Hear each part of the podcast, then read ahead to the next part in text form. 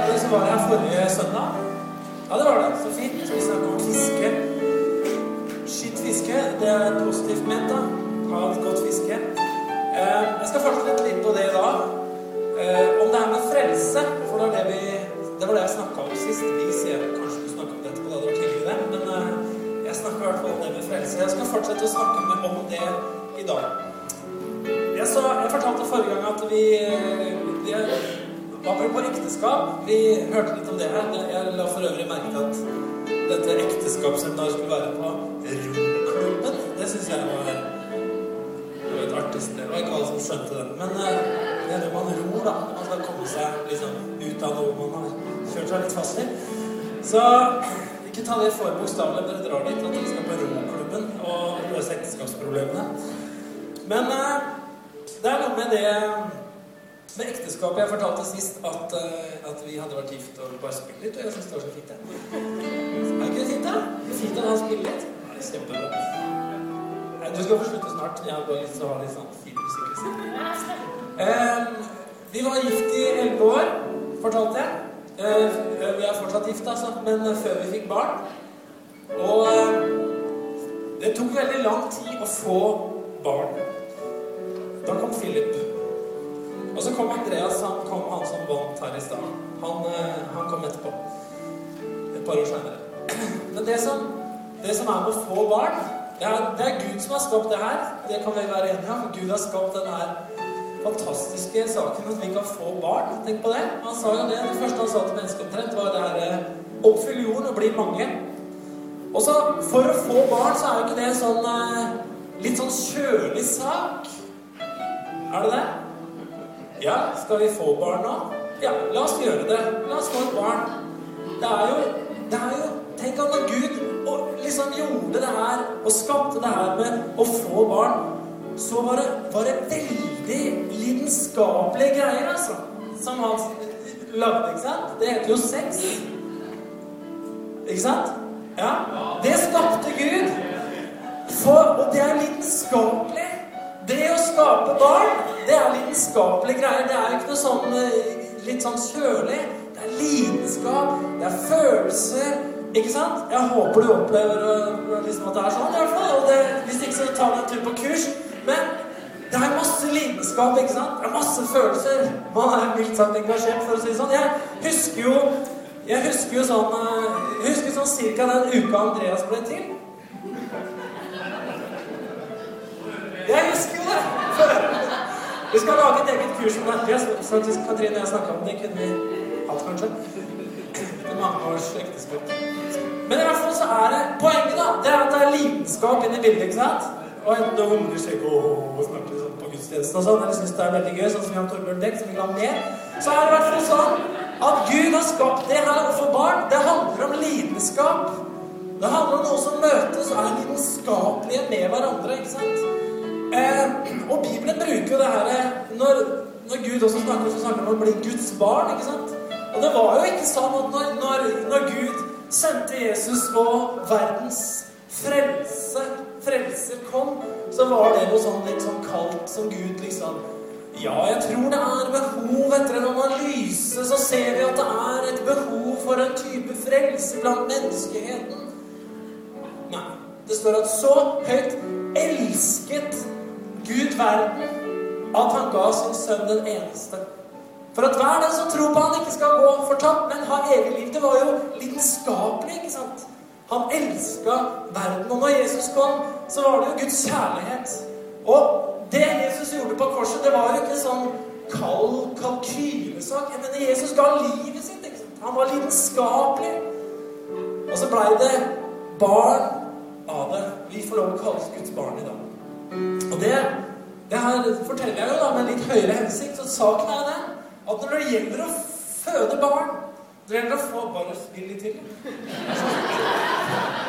Når det gjelder å føde barn, å få barn, så er det jo sånn at også med det åndelige og det som har Guds rike å gjøre, så er det sånn at det har med lidenskap å gjøre. Lidenskapelige kristne sprer troen. Ikke sant? Likegyldige kristne sprer ikke troen. Men lidenskapelige kristne de sprer troen, og de får barn. Og Det er det er det jeg har lyst til å snakke litt om. For vi, der, vi, der jeg kommer fra, fra pinsekristendommen og jeg er i, så er det ikke sånn at folk har blitt kristne og blitt frelst fordi at det var en statskirke eller man bare ble skrevet i der man ble født. Det er jo fordi at det har vært lidenskap, det har vært varme, det har vært ånd, ikke sant? Som gjør at mennesker blitt frelst. Nå skal jeg be en bønn, så skal du få slutte å spille etterpå. Herre, jeg takker deg for at vi har blitt frelst, Herre, fordi at du var lidenskapelig. For at du elska verden så mye at du sendte din egen sønn, Herre, for å dø for våre synder. Takk, Herre, at det handla ikke om en bare vitenskapelig forståelse av at vi trengte hjelp, men at du elska oss, Herre. Det var derfor du kom. Takk for deg, Jesus, for at du også har sagt at denne kjærligheten som du har til verden, den vil du også at vi skal ha til verden her. At vi skal ha den kjærligheten til mennesker, til det som er rundt oss. Så vi kan være lidenskapelige kristne her. Ikke lunkne, ikke bare kalkulerte, eller ikke bare på en måte troende at vi tror på noe som bare er en, et faktum, men at du ønsker at vi skal elske deg og elske mennesker. Det er det du har bedt oss om, Herre. Av hele vårt hjerte, med alt som er i oss, i Jesu navn. Så takker jeg deg at du må la oss få lov å kjenne litt på det, og la oss smake litt på det i formiddag. I Jesu navn. Amen. Tusen takk, Fredrik. En applaus.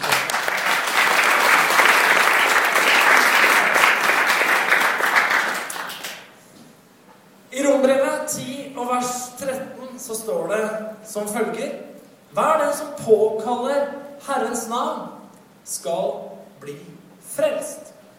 Jeg har lyst til å snakke litt om det her ordet frelse jeg i dag. Frelse. Det er et ord som eh, blir brukt en del i forskjellige sammenheng.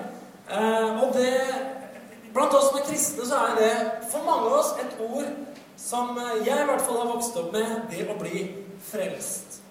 Jeg har lyst til å, Først har jeg lyst til å drone litt, snakke litt, tenke litt sånn Hvor er vi? liksom, Hvordan ser det ut inni oss? Hvordan ser det ut litt i det samfunnet som vi er i?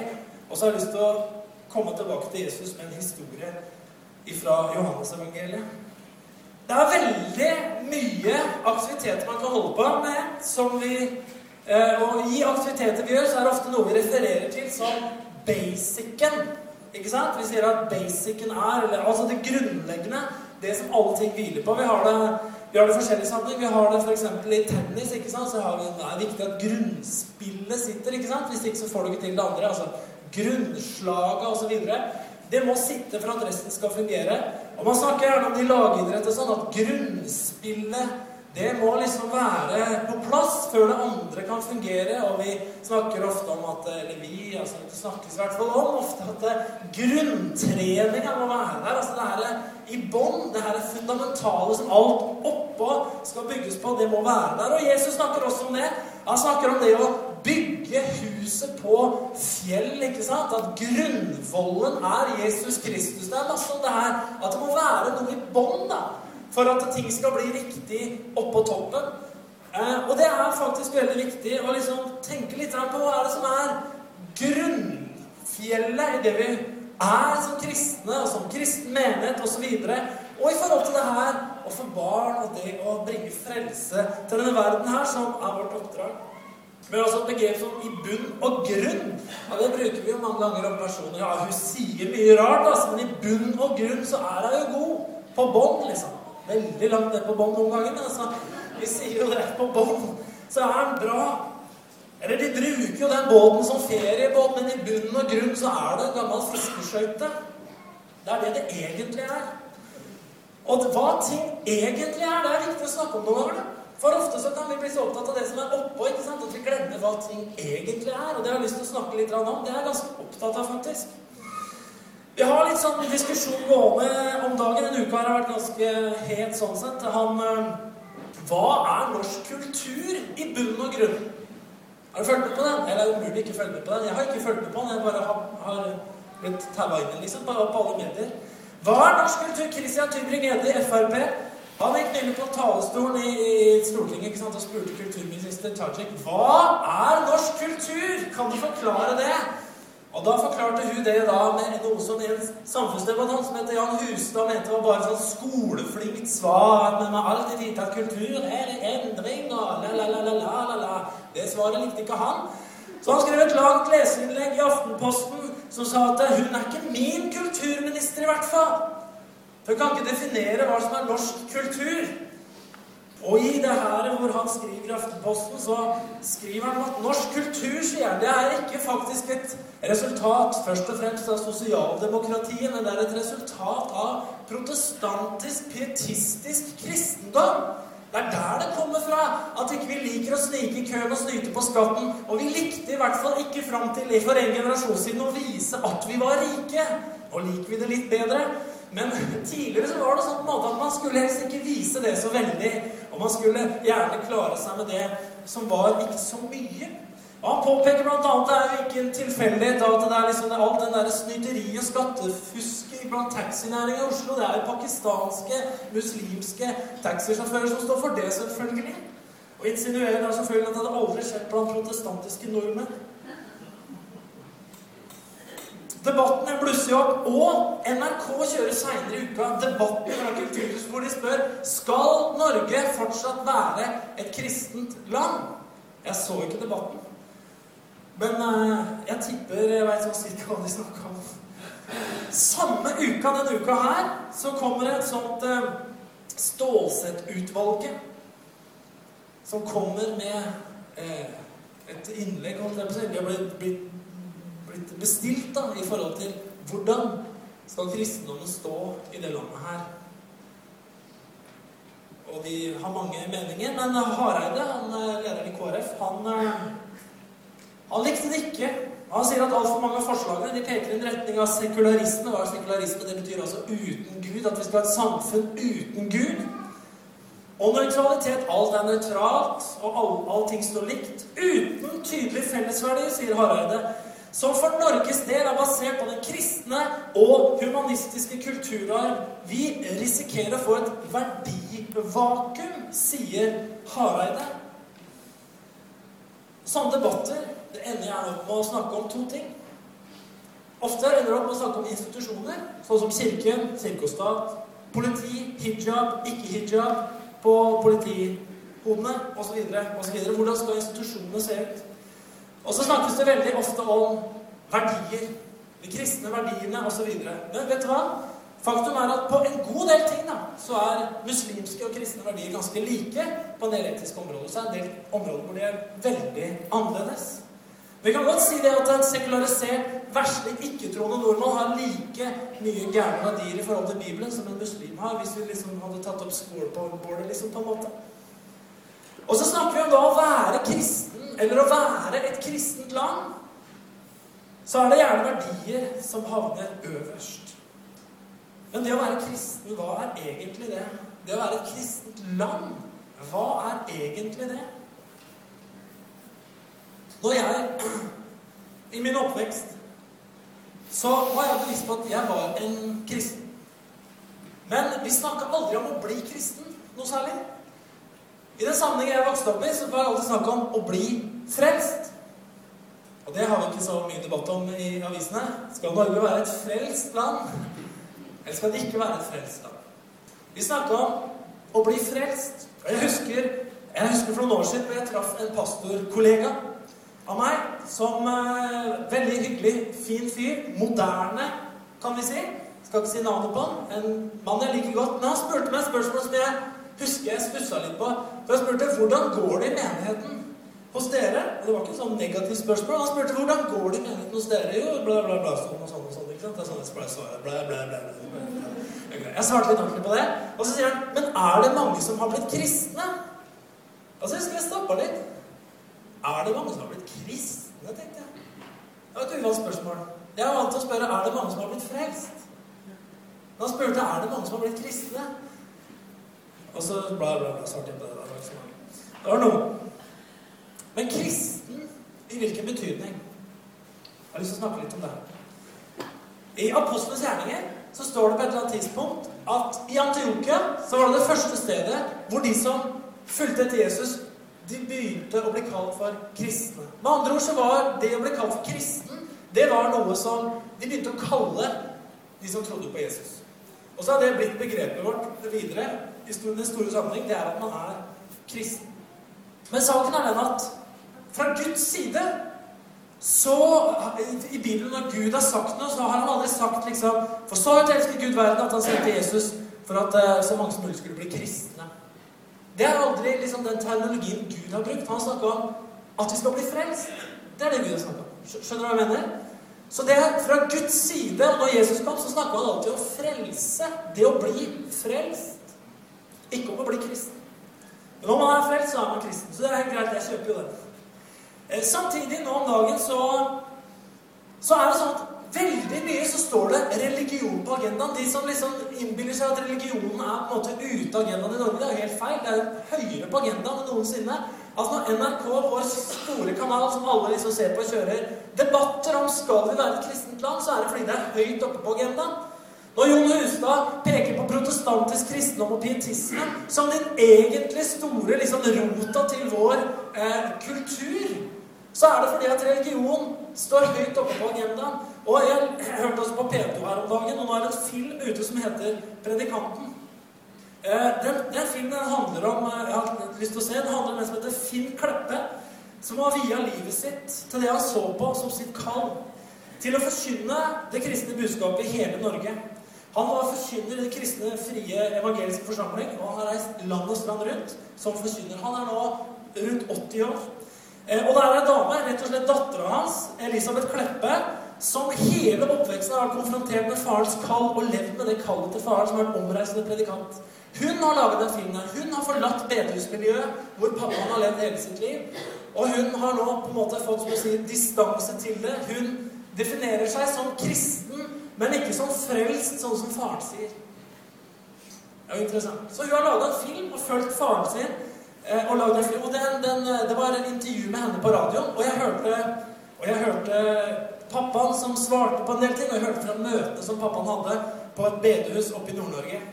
Og så sier de at dette er jo et utdøende miljø. Dette er noe som er på vei ut av Norge i dag, sier de på radioen. Og det er sant mange av de reisende predikantene, sånn som han.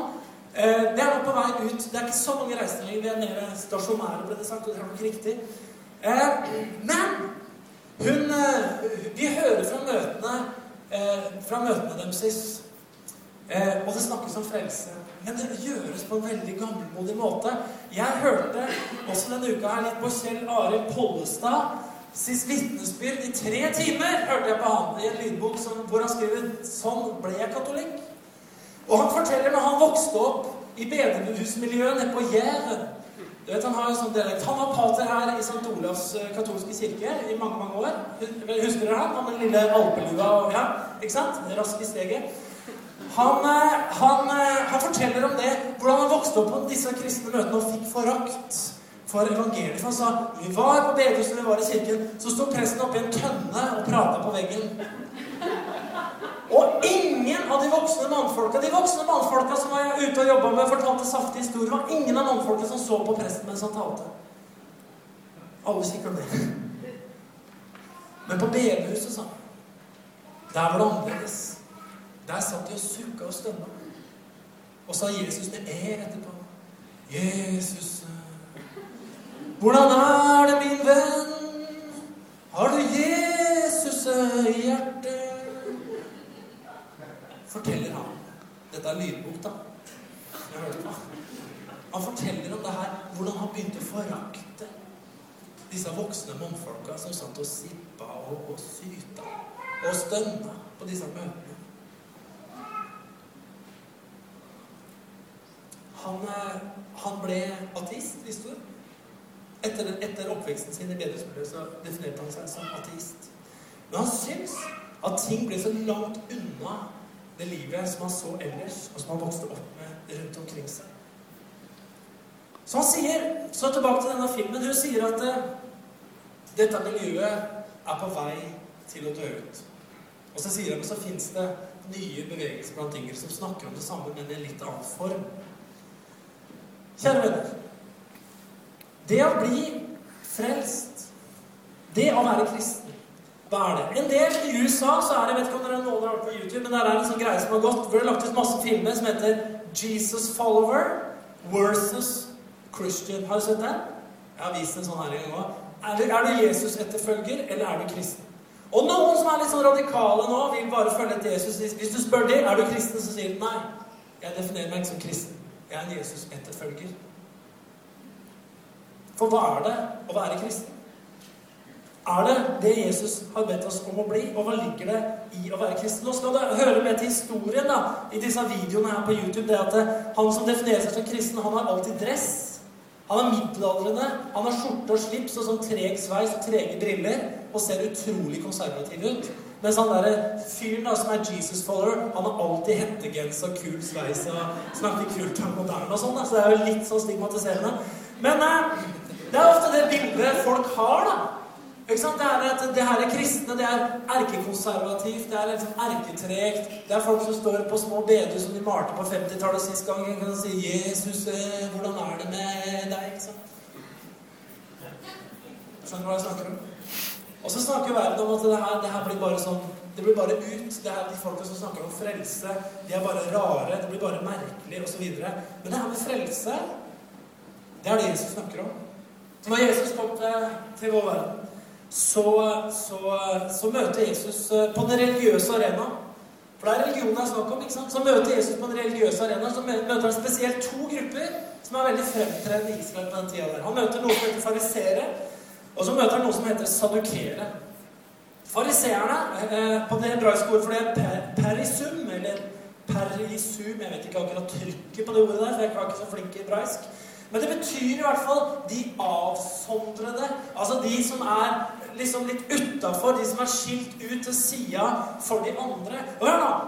La oss tenke litt på den religiøse arenaen vi har i dag. Den religiøse arenaen på Jesu tid, fariseerne, de trodde på engler, de trodde på den åndelige verden, de trodde på sjelens udødelighet, de trodde på en oppstandelse fra de, fra de døde, de trodde på evig dom og gjengjeldelse etter eh, det livet man har levd her på jorden. De var tradisjonskonservative. Vet du hva de hadde? 613 bud og forbud som de skulle holde fra Det gamle testamentet. I tillegg til de hadde flere tusen muntlige bud og påbud som de skulle holde.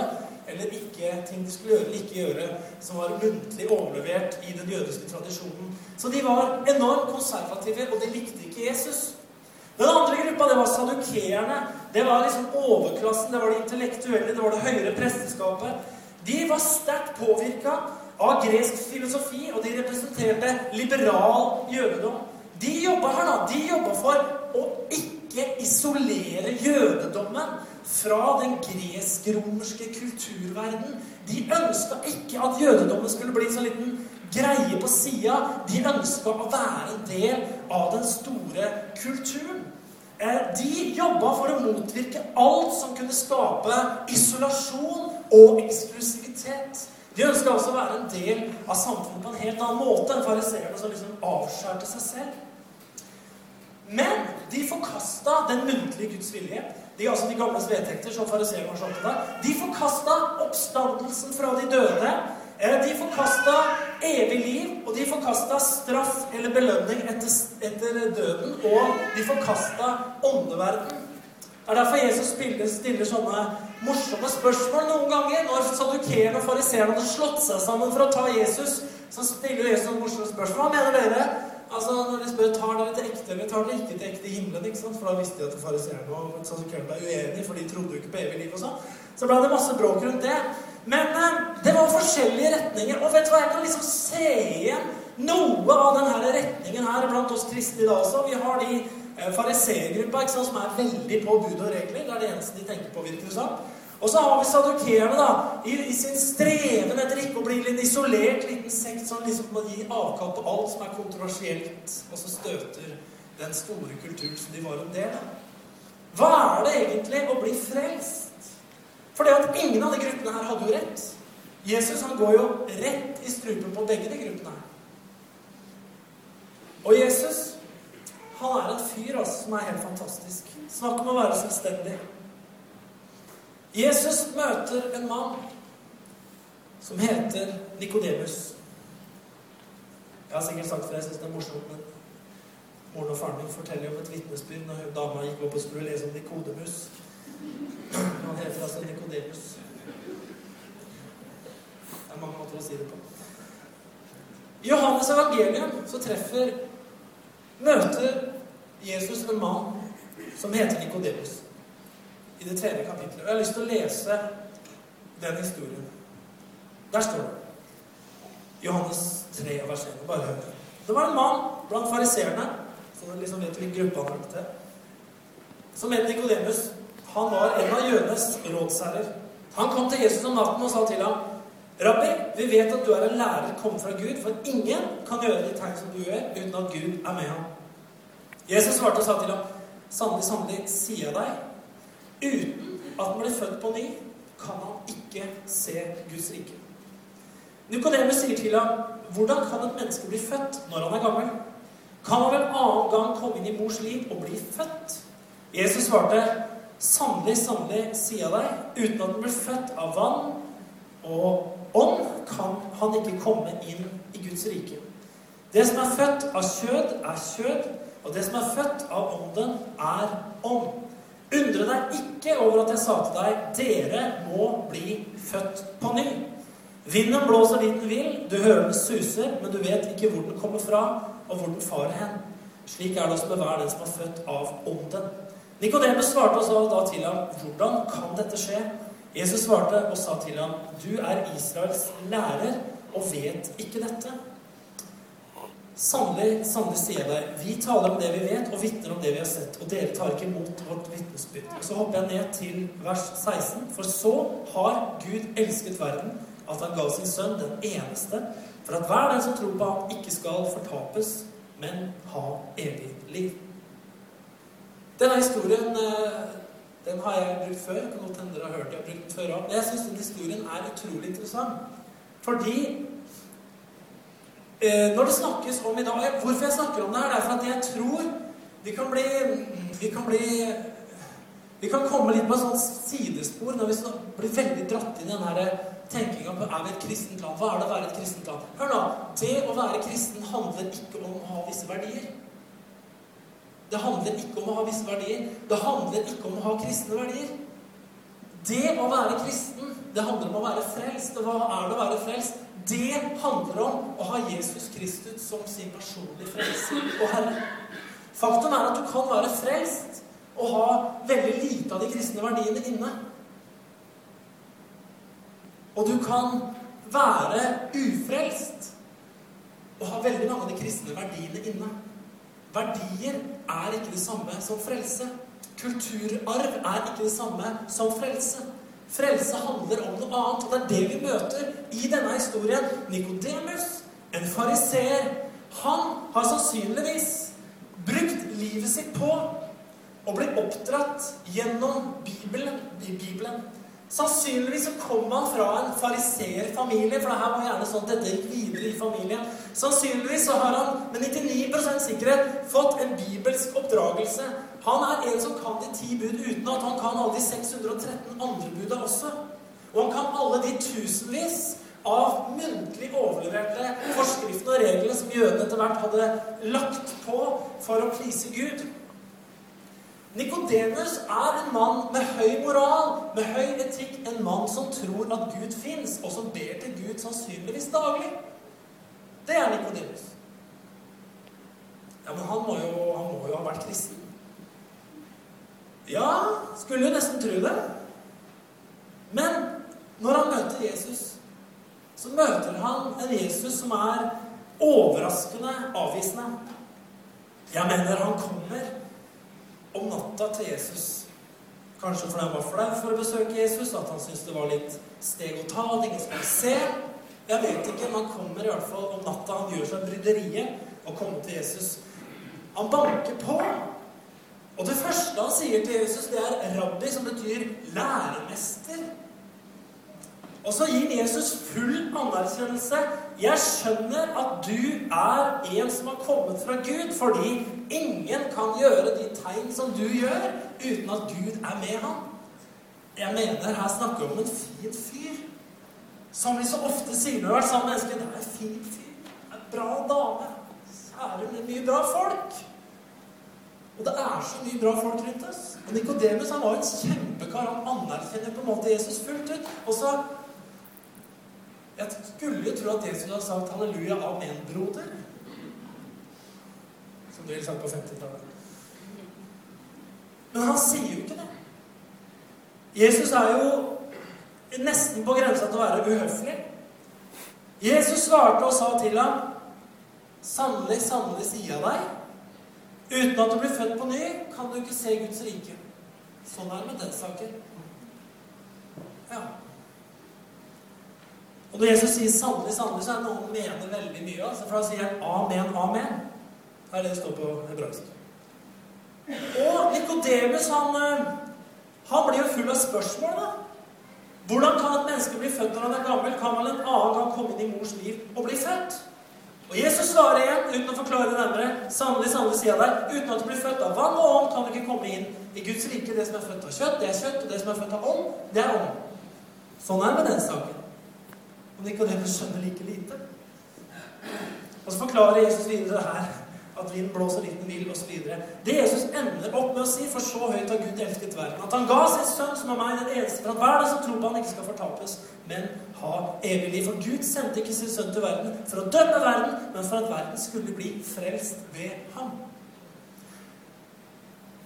Det her er en viktig historie, tenker jeg. Og det er en viktig historie for oss å bli påminnet om.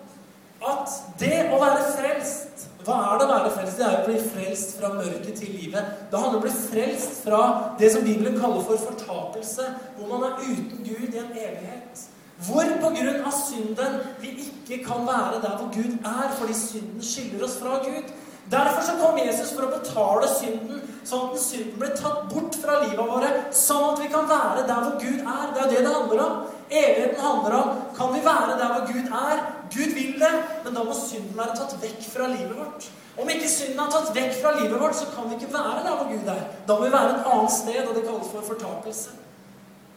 Derfor er det derfor Jesus kom. Han kom for å betale min og din personlige synd, for at vår synd skulle bli tatt bort, så vi kunne være sammen med Gud i en hel evighet. Det er jo det det handler om. Og det er det Bibelen snakker om, er å bli frelst. Fra evig fortapelse, altså fra det stedet hvor vi ikke er sammen med Gud i evigheten. Det er det Bibelen snakker om når det gjelder frelse. Og vet du hva? Det, det, må vi på en måte huske. Og Det er derfor Jesus møter Nikodemus med det her at du må bli født på ny. Du må få nytt liv på innsida. Du må få dette nye livet. Det spiller ingen rolle, Nikodemus, hvor mye du tror at Gud er der. Det spiller ingen rolle hvor mange bønner du ber, hvor høymoralsk du er, hvor god kristen kultur du har. Si. Det spiller ingen rolle. Det som betyr noe, er at du må få det nye livet inni deg. Det er det som teller. Og Derfor så handler det ikke om statsregulert kristendom eller kristne verdier. Det er ikke vårt budskap. Vi må gjerne snakke det er viktig med verdier. skjønner jeg riktig. Det er viktig med verdier, det er viktig med bra ordninger, gode lover Men når det gjelder saligheten, når det gjelder frelsen, når det gjelder evigheten, så er det én ting som gjelder, og det er å ta imot Jesus som frelser. Det er det det handler om. Det er at Vi kan ha blitt sånt spor på det her som egentlig tar oss ut på sida av det Jesus har kalt oss til å snakke om. For det han har kalt oss til å snakke om, det er evangeliet om frelse i forhold til evigheten først og fremst. Og Derfor så er det sånn å få barn. Du må bli født, sier Jesus. Du må bli, du må født på nytt. Det må komme en ny ånd inni deg. Derfor så snakker jo Paulus om det her også, i romerbrevet det der med frelse. I Romerbrevet 10 og 9-10, dette har du hørt mange ganger. Men dersom du tror med din munn og bekjenner Jesus som Herre, og ditt hjerte tror at Gud oppreiste ham fra de døde, da skal du bli frelst. Du skal ikke få kristne verdier. Du skal bli frelst. Med hjertet tror en til rettferdighet, og med munnen bekjenner en til frelse. For Skriften sier at hver den som tror på Han, skal ikke bli til skamme. Her er ikke forskjell på jøde eller greker. Alle har de samme Herre, som er rik nok for alle som påkaller ham. For hver den som påkaller Herrens navn, skal bli frelst. Hvordan kan de påkalle en som de ikke har kommet til å tro på? Og hvordan kan de tro om en som de ikke har hørt om? Og hvordan kan de det uten at det er noen som forkynner? Noen som forteller? Og vet du hva? Det her La meg si vi trenger å bli mye mer lidenskapelige i forhold til å formidle at folk trenger å bli frelst. Jeg sier ikke at det er akkurat det du skal si til henne. Du trenger å bli frelst. Men vitnesbyrdet om Jesus, vitnesbyrdet om han og syndenes forlatelse, det er evangeliet. Ikke sant? Det er det det handler om. Og vi kan bli opptatt av utrolig mye bra som vi ikke skal slutte med, men som kan allikevel ta fokuset vår vekk fra det her enkle det handler om. Det handler om å bli frelst. Til syvende og sist. Vi kan bli opptatt av kristne aktiviteter. Vi kan bli opptatt av å ha fin kafé. Vi kan bli opptatt av bra barnearbeid. Og vi kan bli opptatt av fin lovsang. Og vi kan bli opptatt av fine venner. Og vi kan bli opptatt av å være relevante. Og vi kan kaste dressen vår og gå i hettegenser isteden for å være enda mer relevant og få kul sveis så lenge det er mulig da, for noen av oss. Men i hvert fall, det er mange ting vi kan bli veldig opptatt av. Som er veldig bra og veldig fint, og så kan vi treffe mange mennesker, og vi kan bli relevante nok til at vi får mange gode samtaler med folk, og så sier vi det at det, er utrolig mange fine folk som er positive til Gud. Og som har kristne verdier og det ene og det andre, faktisk litt også. Men så kommer det til punktet her det handler om å bli frelst.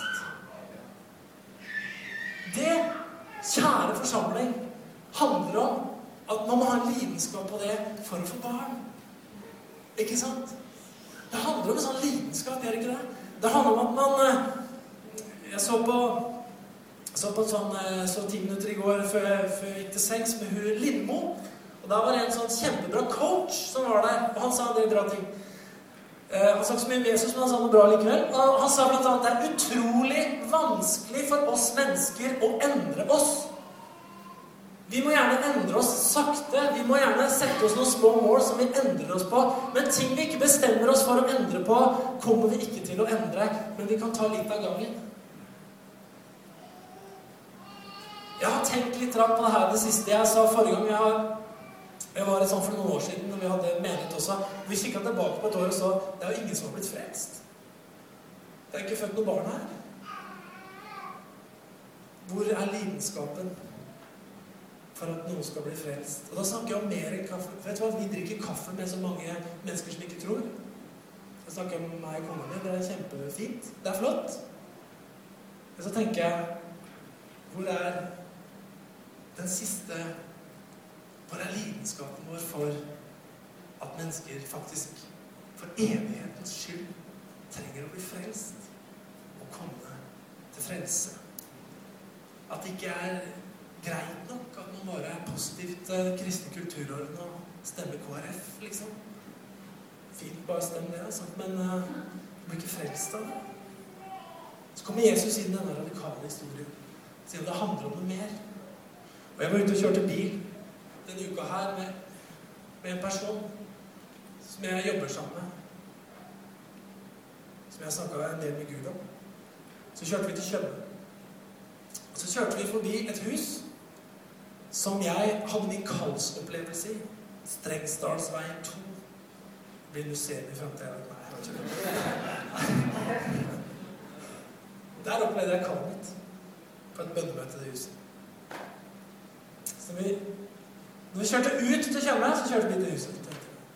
Det var det huset jeg fikk kallet mitt i, tenkte jeg. Og så kom jeg til Drengenbrå, så tenkte jeg Hvorfor fortalte jeg ikke det til han? En fin mulighet til å vitne på. Men vi skal jo tilbake. tenkte jeg, kan jeg si. Vi kjørte tilbake igjen. Da må jeg få vitna litt. Ser det huset der, sier han. Ser du det huset der borte? sa jeg. Nei, sant. Ser du det huset der? Ja. Der fikk jeg kall Der fikk jeg kallen litt, så jeg måtte bli pastor. Å, fikk du det, sa Jeg fikk jo en kjempeprat. Han ble ikke frelst. Men vet du hva? Hvis folk skal bli frelst, så må vi jo vitne.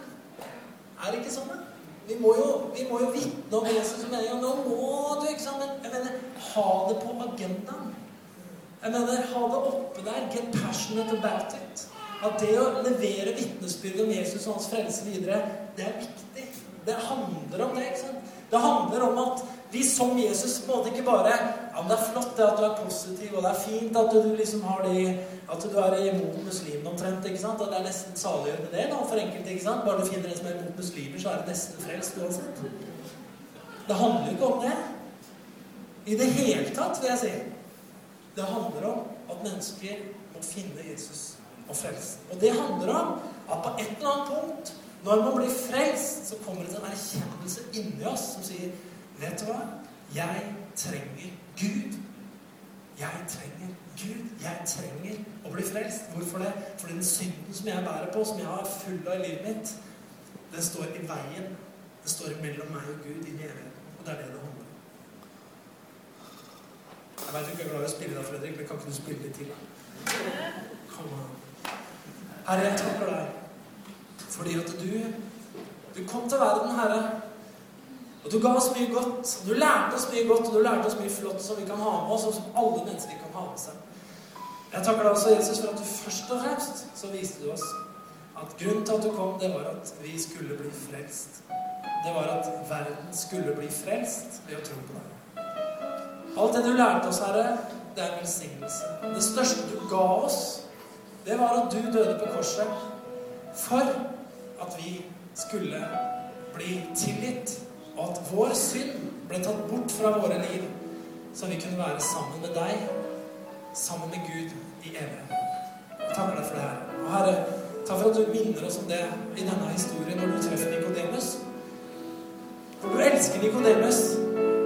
Du elsker, du elsker Nikodemus nok til å fortelle sannheten. For Nikodemus, det holder ikke med din anerkjennelse, det holder ikke med dine bønner, det holder ikke med din fromhet, men du må bli født på ny. Herre Jesus Kristus, jeg takker deg for at du minner oss om det også i formiddag, at vi ikke glemmer at det det handler om, det er at hver og en av oss, vi må bli frelst for å være hos deg i all evighet. Amen. Det er det det handler om. Jeg har lyst til å avslutte med det. Om du sitter her i formiddag, så vil jeg stille spørsmålet Den historien som Jesus forteller her, er jo ganske radikal. Har du tatt imot Jesus som ditt frelse? Har du tatt imot Jesus som din herre? Eller er han en du er positiv til, og som du på en måte tror litt på? Eller er han din frelser? Er han din herre? Og Det er så veldig enkelt å bli frelst. Det handler om tro, sånn som Paulus sier. At du tror hjertet ditt, tror at Jesus har vært her, at han døde for dine synder, at han sto opp igjen for deg, så kan du bekjenne ham som Herre og frelser ditt liv. Vi skal ta oss og reise oss. Fredrik sikkert en sang til, til oss. Men hvis alle lukker øynene bare et lite øyeblikk, så har jeg bare lyst til å spørre om du er her i formiddag som eh, ikke har sagt til Jesus at du, du vil eh, ha han som frelser og herre. Men du har lyst til å si det nå, så kan du gjøre det mens alle lukker øynene. Så kan du si det nå ved at du rekker opp hånda di. Og så skal jeg be en bønn for deg om du er her i formen. Jeg ønsker å ta imot Jesus som frelser og herre. Og si det. Er du her, så rekk opp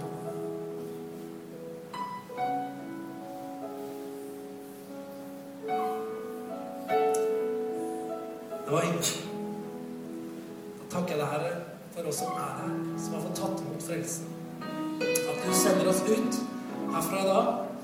At vi kan ta med oss vitnesbyrdet her. Ta med oss dette budskapet om frelse.